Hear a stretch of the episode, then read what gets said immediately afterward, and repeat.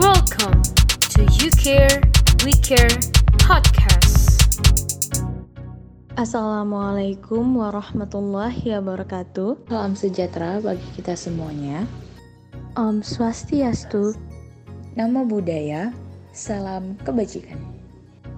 Hello and welcome to the You Care With Care podcast special first episode. Perkenalkan, nama saya Melinda Anastasia. Nah, di sini saya ditemani oleh partner saya yaitu Halo, perkenalkan nama saya Istiar Izan. Oke. Nah, teman-teman, di podcast kali ini kami akan mengajak teman-teman semua untuk menggali informasi seputar kejadian yang sering terjadi di sekitar kita. Tentunya dengan spesial bintang tamu yang ahli di bidangnya. Dalam episode pertama ini, kami akan membahas You and Women Sexual Harassment Through Social Media. Nah, untuk teman-teman yang penasaran dengan topik kita kali ini, wajib banget ya disimak sampai akhir. Untuk membantu kita dalam memahami topik kali ini, kami mengundang bintang tamu. Langsung saja kita sambut. Uh, Mem, silakan memperkenalkan diri.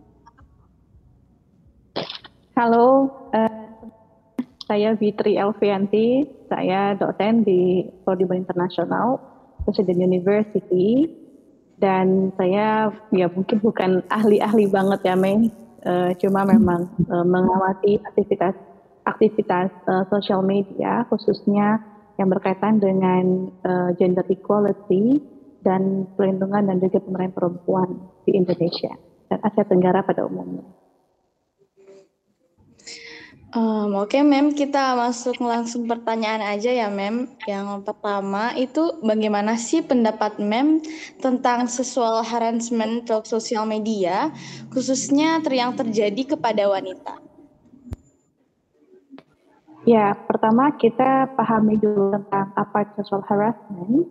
Jadi, ya itu uh, adalah tindakan yang bersifat menyerang dari uh, bagian fisik seorang manusia ya seseorang baik itu uh, khususnya bagian vital atau bagian private yang menandakan identitas gender seseorang dan juga uh, mengarah kepada sexual orientation. Nah, um, ini sekarang menjadi marak karena di sosial media khususnya di beberapa platform yang sangat populer seperti Instagram dan juga Facebook, uh, Twitter dan Snapchat misalnya ya uh, banyak uh, netizen ataupun pengguna sosial media menggunakan akun-akun tidak uh, fake ya, akun palsu, dan itu digunakan sebagai alat untuk uh, apa ya mengekspresikan atau sekedar us usil tapi dengan penuh kesadaran. Menyerang uh, private uh, body uh, part ataupun anggota tubuh dari seseorang yang mungkin dia seorang tersebut tidak bermaksud untuk mengumbar nafsu atau misalnya untuk memancing hati uh, pengguna sosial media yang lain. Dan itu sering kali terjadi. Kita uh, di Indonesia kita pernah mendengar uh, atau bukan mendengar atau, atau melihat ya isu yang yang cukup uh, populer seperti uh, seorang atlet bulu tangkis badminton uh, uh, waktu itu um, memenangkan Asian Games ya. Uh, dan dia melakukan selebrasi gaya yang unik melepaskan baju ya kan di lapangan waktu itu. Dan banyak pasti banyak yang uh, melirik ya dan menjadi viral trending. Lalu kemudian si Jonathan nama si uh, atletnya memposting uh, selebrasi tersebut di akun Instagram resmi milik dia. Dan ternyata itu menarik. Kalau dulu kita memandang bahwa sexual harassment mesti korbannya adalah perempuan, tapi yang ini lucunya adalah laki-laki. Artinya orientasi seperti ini yang uh, mengharas ya, yang menyerang um, sexual orientation ataupun sexual uh, identity seseorang, bukan hanya uh, nakut-nakut saja itu perempuan. Tapi memang ini tidak tidak banyak ya, tapi ini unik juga.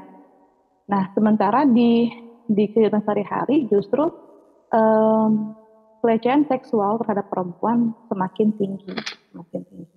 Dan juga banyak akun Instagram lainnya yang uh, mengalami hal serupa, bukan hanya Jonathan ya, tapi juga um, netizen pada umumnya, pengguna sosial media lainnya, misalnya nih, misal, misalnya seseorang, seorang perempuan ya, uh, memposting foto, lalu kemudian uh, foto itu ya cuma dirinya sendiri yang mungkin berpose outfit of the day, tiba-tiba direspon oleh nah sosial media lain atau netizen dengan bahasa-bahasa yang vulgar yang itu yang bisa memberikan bekas traumatik psikologis kepada si pemilik akun tersebut.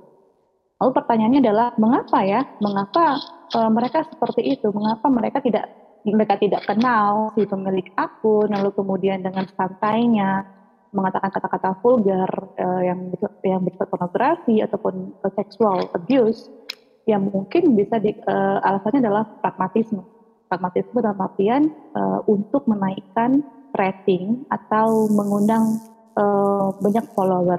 Ya. Yang kedua juga bersifat uh, penyebabnya adalah kelainan ataupun uh, psikologis ada gangguan gangguan mental. Karena uh, lupa karena mungkin dia merasa bahwa ini sosial media ya dunia maya orang tidak mengenal dan tidak akan ada tindakan hukum. Mungkin dapat dilakukan dan pemilik pemilik tidak akan bisa merespon. Dan juga uh, mereka seolah uh, menegasikan ah ini nggak apa-apa ini cuma iseng saja gampang kok dijilat doang dan mereka lupa mereka lupa bahwa uh, tweetan ataupun cuitan yang yang mungkin hanya dua kata saja tapi itu sangat membekas di hat, uh, di uh, mental ya psikis si pemilik akun tersebut. Jadi ini semakin marak. Cuma yang sekarang Indonesia juga sudah banyak akun-akun sosial media uh, apa uh, para aktivis sosial ya khususnya para pemerhati hak perempuan dan juga uh, para pendukung uh, apa namanya perlawanan hukum terhadap uh, kekerasan perempuan menggunakan jalur sosial media untuk memberikan uh, atau memberikan edukasi kepada netizen kepada para pengguna sosial media tentang apa itu sexual abuse, apa itu harassment, dan mengapa itu sangat uh, meracuni, bisa meracuni seseorang. Um, Oke, okay, Mem. Jadi uh, karena adanya kejadian ini di sosial media ya, Mem ya, seseorang semen itu, tanggapan masyarakat terhadap isu ini tuh bagaimana, Mem? Menurut Mem? Ya, uh, tanggapan masyarakat tentang isu tersebut ya isu sexual harassment uh, sangat uh, variasi dan sangat uh, tergantung pada uh, latar belakang uh, masyarakat kita sendiri dan kita sangat majemuk uh, ada banyak faktor yang mempengaruhi pada masyarakat. Bisa faktor politik faktor agama khususnya dan juga faktor budayanya sendiri. Ada beberapa masyarakat yang memandang bahwa uh, kebijakan pemerintah untuk uh, untuk menegakkan hukum terhadap kekerasan seksual yang dialami oleh perempuan dan juga laki-laki ya bukan hanya perempuan yang mengkorban sebenarnya itu masih diperlukan dukungan politik yang sangat kuat di parlemen. Ada masyarakat yang memandang bahwa tidak perlu karena uh, itu semua bukan dikarenakan uh, bukan bukan sebuah uh, produk politik sehingga tidak perlu dibahas secara serius di parlemen seperti itu. Dan ada juga masyarakat yang memandang uh, itu masih hal yang biasa. Itu dikarenakan patriarki yang masih mendominasi di masyarakat kita. Nah, ini adalah uh, upaya bersama dan tugasnya bersama untuk mendekonstruksi uh, mitos bahwa perempuan memang di bawah laki-laki ataupun menjadi objektifikasi um, sehingga sehingga segala macam jenis sexual abuse diperbolehkan. Itu tidak benar. Dan harusnya kita uh, mendukung ke, uh, apa, upaya pemerintah untuk uh, melakukan pendekatan hukum uh, uh, memberikan uh, sanksi yang tegas kepada uh, kepada uh, kepada siapa pun yang di melakukan sexual abuse atau harassment kepada perempuan dan juga laki-laki siapa pun ya siapa pun uh, yang terbukti melakukan sexual abuse tadi. Nah um, ini juga penting perlu disimak bahwa research dan development pun juga perlu. Artinya banyak research yang dilakukan oleh para aktivis LSM ataupun uh, perpanjangan tangan dari PBB atau UN Women yang uh, fokus pada uh, bagaimana masyarakat merespon ataupun uh, apakah mereka mendukung mendukung penyintas yang kemudian uh, membeber cerita duka ya kan duka uh, psikis dikarenakan uh, pernah mengalami uh, pelecehan seksual. Dan ada banyak penelitian yang mengungkapkan bahwa ternyata masyarakat masih uh, kurang akomodatif dalam artian justru memblaming, justru menyalahkan para korban tersebut. Nah, di sini yang menjadi miris, yang menjadi ironis. Kebanyakan juga perempuan juga menyalahkan perempuan lain. Contoh misalnya um, ada beberapa komunitas ya uh, yang mengatakan bahwa ya salah salah perempuan mengapa tidak misalnya tidak berhijab gitu ya, tidak menutup aurat atau mungkin kok pakainya ketat. Nah, padahal kebanyakan banyak juga perempuan yang sudah berhijab pun masih menjadikan korban, menjadi korban pelecehan seksual.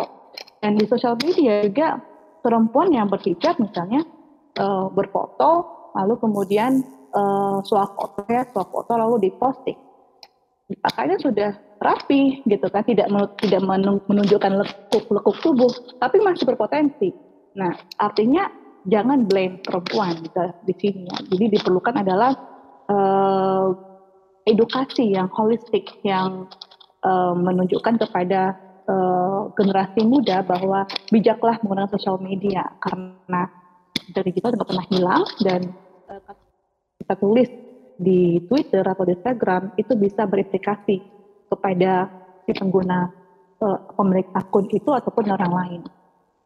Nah, uh, begitu ya. Jadi, artinya uh, di Indonesia sendiri patriarki masih sangat mendominasi uh, the, apa uh, jarak ya jarak uh, antara laki-laki dan perempuan yang yang uh, di mana perempuan menjadi subordinate um, seolah-olah hal yang biasa. Jika perempuan menjadi korban uh, sexual harassment dan sementara kita uh, baik dari akademisi maupun aktivis LSM terus mengupayakan mendukung pemerintah untuk menjadi lebih tegas uh, menindaklanjuti semua um, uh, perilaku yang mengarah ke sexual abuse.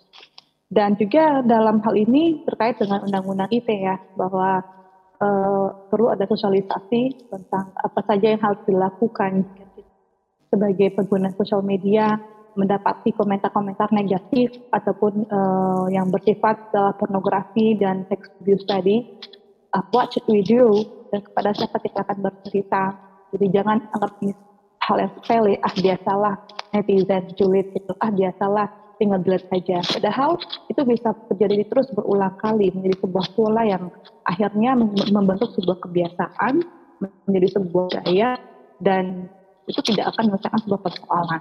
Begitu. Eh, nah, baik Mem, terima kasih Mem. Oh ya Mem, tadi juga Mem sempat mention tentang UN Women itu sendiri kan Mem.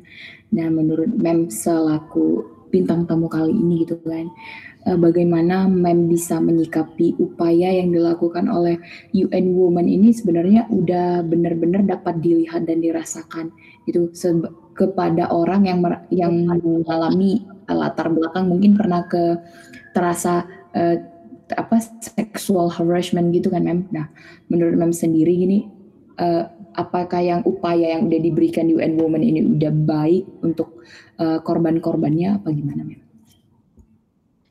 Ya UN Women uh, mereka bertanggung jawab untuk memainstreaming harus utamakan gender dalam aspek kehidupan kita. Jadi uh, PBB itu memiliki agenda global yang sangat banyak dan one of them adalah memainstreamkan gender equality atau harus utamakan kesamaan gender.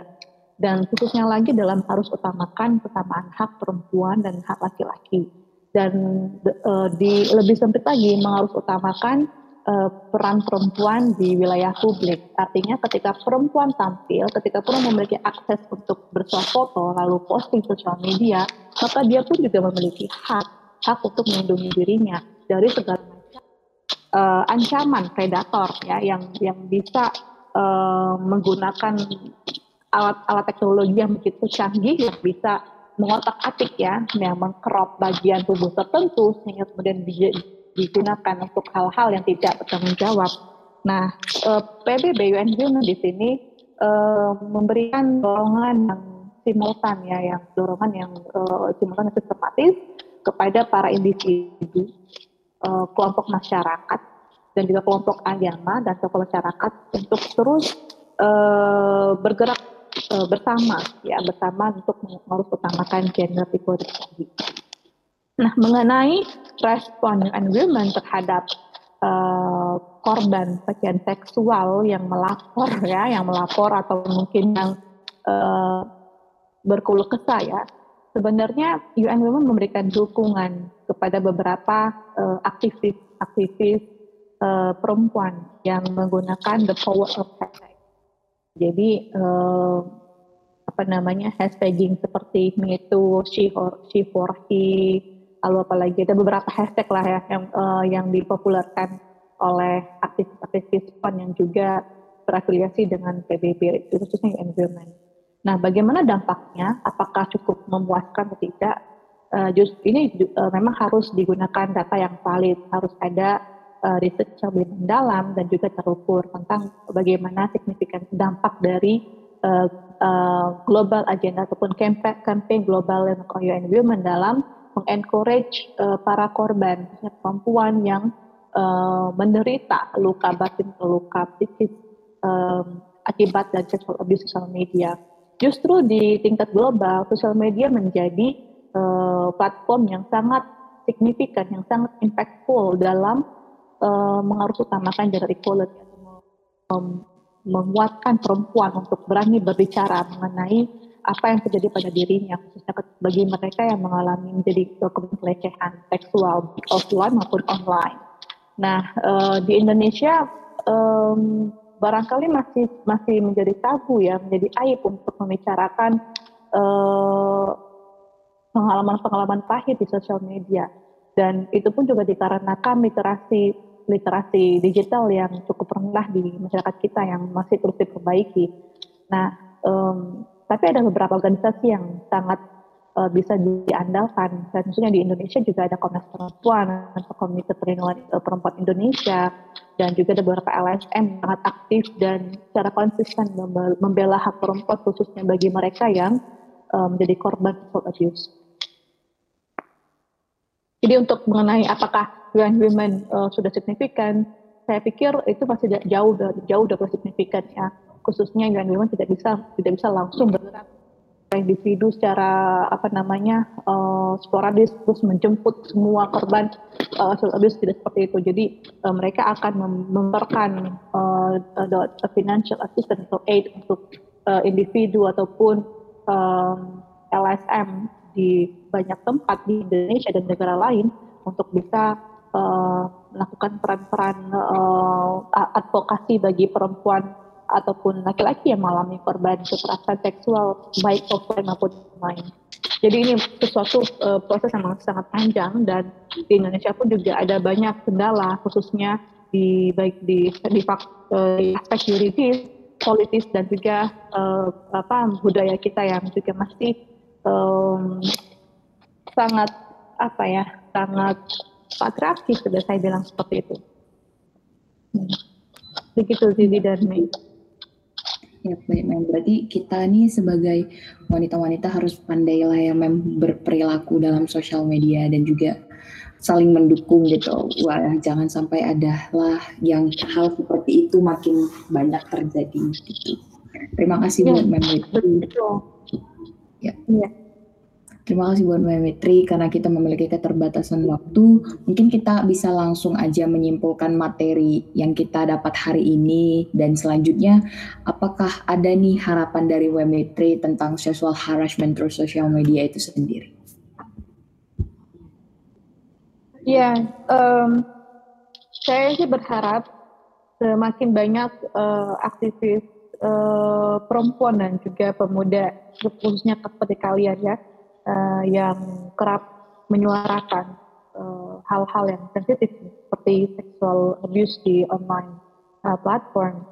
Dan dan ini tidak tidaknya tentang mengapa abuse itu menjadi sesuatu yang sangat tidak baik ataupun uh, dekonstruktif, tapi juga uh, aspek hukum yang perlu dilakukan atau yang perlu disosialisasikan kepada halayak ramai dan mungkin sebaiknya juga uh, Mei dan Zizi juga bisa uh, mengambil topik lain, topik uh, topik lain seperti aspek uh, legal dari sexual abuse di online uh, media ya.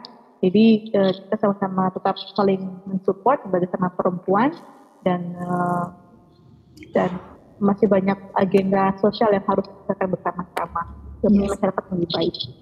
Baik, baik, Mem. Oke, okay, Mem. Hmm, demikian penelitian diskusi kita hari ini. Semoga dapat menambah wawasan dari pendengar.